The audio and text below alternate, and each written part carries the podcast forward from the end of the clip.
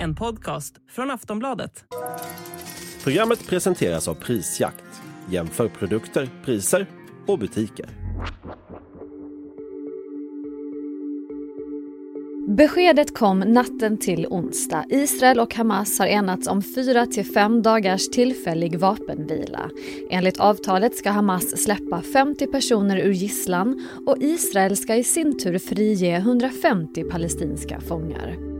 Men Israels premiärminister Benjamin Netanyahu markerar samtidigt att det här inte innebär ett slut på kriget. Så vad kan vi vänta oss av avtalet och vad innebär den här stridspausen för den närmaste framtiden? Det ska vi prata om i Aftonbladet Daily. Jag heter Olivia Svensson. Och vi har med oss Aftonbladets utrikespolitiska kommentator Wolfgang Hansson. Hej! Hej! Hur reagerar du på det här beskedet som kom i natt?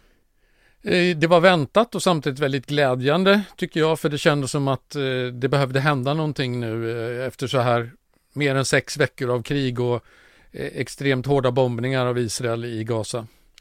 Fyra till fem dagars tillfällig vapenvila sägs det då. Va, vad innebär det rent praktiskt? Ja, så det, det, ska ju innebära då att striderna upphör, att Israel slutar bomba, att eh, man inte för in några nya stridsfordon in i Gaza. Eh, Israel har också lovat att inte flyga med drönare i Gaza under sex timmar varje dag under de här dagarna som eh, vapenvilan är i kraft. Och det gör ju då att Hamas kan röra sig mer fritt under de här timmarna eftersom de inte är observerade på samma sätt av Israel.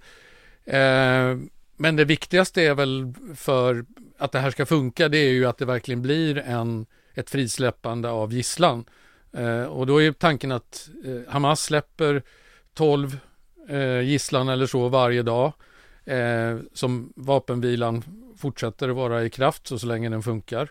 Och Israel släpper i sin tur då eh, palestinska fångar från israeliska fängelser. Och det handlar framförallt om, om kvinnor och barn eh, från israeliska fängelser, alltså kvinnor och minderåriga ska jag säga. Och om eh, eh, kvinnor, barn och äldre när det gäller gisslan då. Det har talats om hemliga möten, rapporterats om olika diplomatiska förhandlingar. Många olika länder är inblandade. Vad har lett fram till just det här avtalet? Hur har man kommit överens om siffrorna till exempel? Ja, alltså det som har varit att ganska snabbt efter Hamas terrorattack den 7 oktober och sen när Israel eh, satte igång med sitt krig så började man förhandla eh, via mellanhänder och då är det Qatar som är den främsta mellanhanden. Och de här samtalen har då skötts i Doha som är huvudstaden i Qatar. Eh, och där har då parterna inte träffats direkt men man har pratat via medlare och det har också varit en, en liksom spe, specialstyrka nästan som Biden har skickat ut från USA av diplomater och förhandlare som har åkt i skytteltrafik runt de viktiga huvudstäderna i Mellanöstern, eh, Amman i Jordanien, Kairo i Egypten och så vidare. För att liksom försöka bereda vägen för någon form av avtal om att släppa gisslan och om vapenvila. Eh, och det har ju tagit tid och samtidigt så är det ju tiden och, och, och den eh, enorma eh, kraft som Israel har lagt på det här kriget, liksom med, med de här bombningarna och även då markoffensiven, som till slut har gjort att båda sidor kan tänka sig att göra ett uppehåll i striderna om, om de får någonting betalt för det så att säga. Och nu får ju Israel ut en del av gisslan och det har ju Netanyahu sagt att det är ett av målen för kriget, förutom att krossa Hamas, det är ju att få ut gisslan levande. Och Hamas får tillbaka en del av eh, sitt folk från Israel Eh, och samtidigt som man då får ett uppehåll i striderna. Och jag misstänker att man kan behöva en andningspaus eh, inom Hamas med tanke på det, den enorma bombmatta man har varit utsatt för.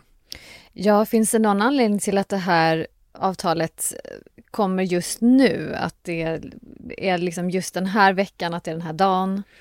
Inte så specifikt, men det är klart att eh, det är ju så den sammanlagda trycket från, från kriget i sig och från den internationella opinionen och från framförallt USA skulle jag säga mot Israel. Att ni måste i något skede liksom eh, sluta eh, bomba civila i Gaza och, och gå med på liksom någon, någon, form av vapenvila om man samtidigt får ut gisslan.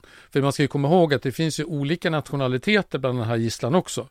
Alla är inte israeliska medborgare och bland många av de israeliska medborgarna så finns det sådana som har dubbelt medborgarskap. Och det sägs ju då att bland annat det är tre amerikaner bland de här gisslan som ska släppas nu. Eh, så det är naturligtvis också viktigt för omvärlden att man får loss sina medborgare. När vi kommer tillbaka efter den här korta pausen ska vi prata mer med Wolfgang Hansson.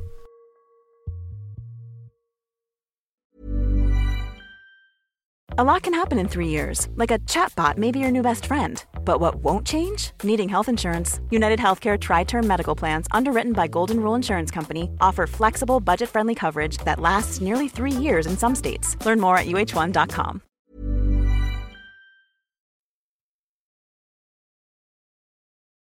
Hur stora är chanserna då att det här avtalet hålls från båda parterna? Hur bedömer du det?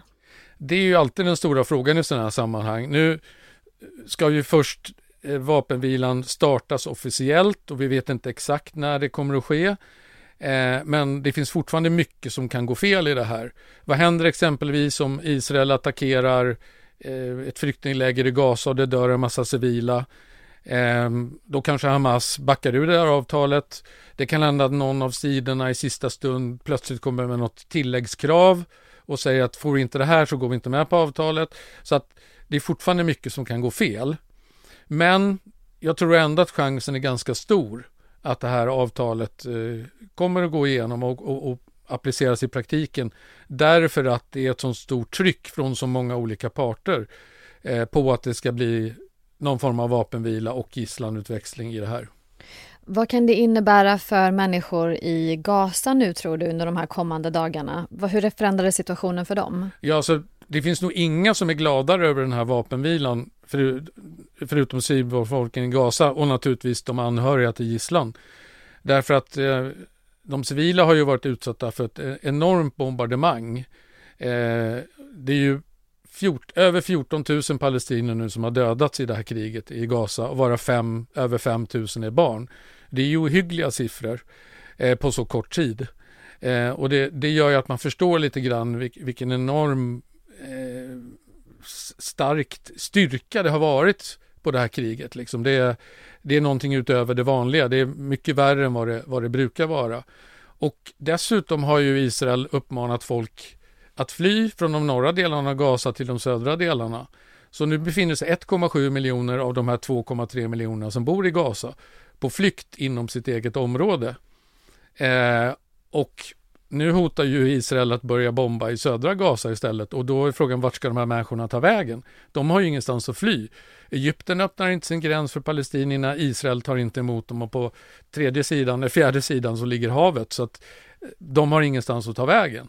Och det är det som är det speciella i det här kriget. Normalt sett så kan ju människor fly och sen blir det liksom ett, en front mellan de två stridande parterna. Men här pågår ju kriget hela tiden mitt ibland civilbefolkningen. Och det har ju varit eh, en humanitär katastrof dessutom i och med att det har inte kommit in tillräckligt med mat, inte funnits tillräckligt med vatten, eh, mediciner. Eh, av de dryga 30 sjukhusen som finns i Gaza eh, är det bara 10 som fortfarande fungerar. Eh, så att det är ju också en enorm hälsokris. Och folk, tusentals människor tvingas dela på ett fåtal toaletter på, eh, i skolor och andra flyktingläger.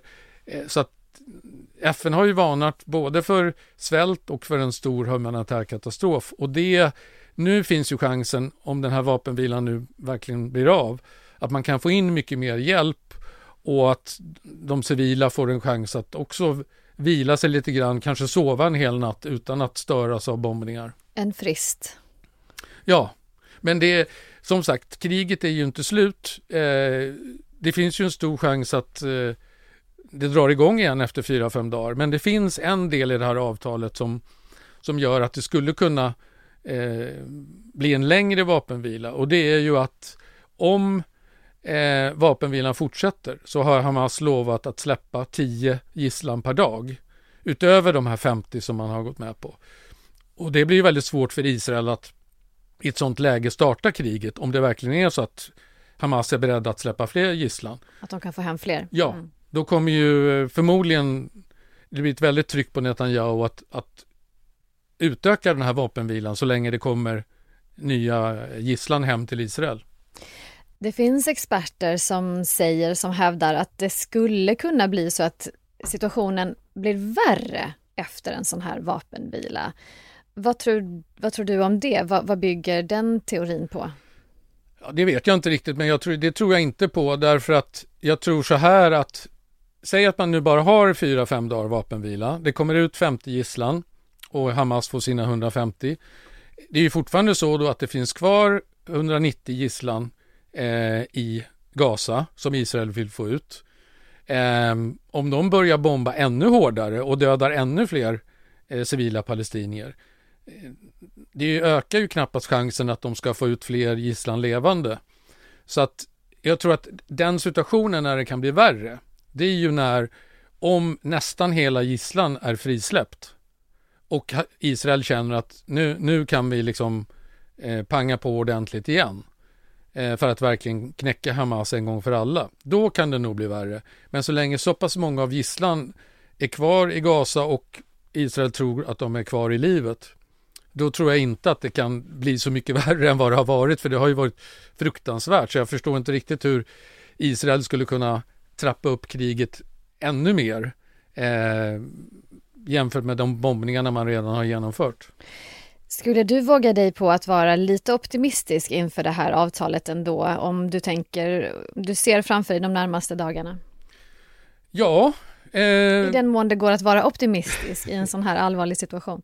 Så, så länge det inte tillstöter några problem nu innan vapenvilan ska träda i kraft, eh, så tror jag att det här kan få positiva effekter för kriget. För att får man den här pausen, eh, får man loss en del av gisslan, då, då händer det ju någonting positivt i det här. Eh, då kommer trycket öka på Netanyahu att få ut ännu fler av gisslan och att därmed inte då intensifiera kriget ytterligare utan istället försöka förhandla fram en lösning. Eh, och det tror jag han kommer att ha väldigt svårt att låta bli att göra. Och avgörande här blir ju USAs inställning. Eh, och jag har sett uppgifter på att eh, Joe Biden eh, inte vill att Israel ska starta en markoffensiv i södra Gaza så som man gjort i, i norra Gaza. Just därför att det, risken är så stor att det blir många civila dödsoffer. Och Netanyahu lyssnar ju inte på särskilt många men han har inte råd att inte lyssna på USA för det är de som står för väldigt mycket av de vapen som eh, Israel har och använder i det här kriget. Då sätter vi punkt för den här gången Wolfgang. Tack. Sist här alltså Wolfgang Hansson, utrikespolitisk kommentator på Aftonbladet. Jag heter Olivia Svensson och du har lyssnat på ett avsnitt av Aftonbladet Daily. Och jag ska säga att det här avsnittet är inspelat onsdagen den 22 november. Vi hörs igen snart. Hej då. Millions of people have lost weight with personalized plans from Noom. Like Evan, who can't stand salads and still lost 50 pounds. Salads, generally, for most people, are the easy button, right? For me, that wasn't an option. I never really was a salad guy. That's just not who I am. But Noom worked for me. Get your personalized plan today at Noom.com. Real Noom user compensated to provide their story. In four weeks, the typical Noom user can expect to lose one to two pounds per week. Individual results may vary.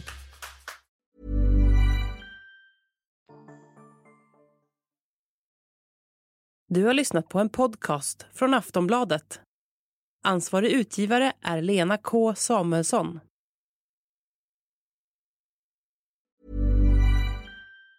Tired of ads barging into your favorite news podcasts?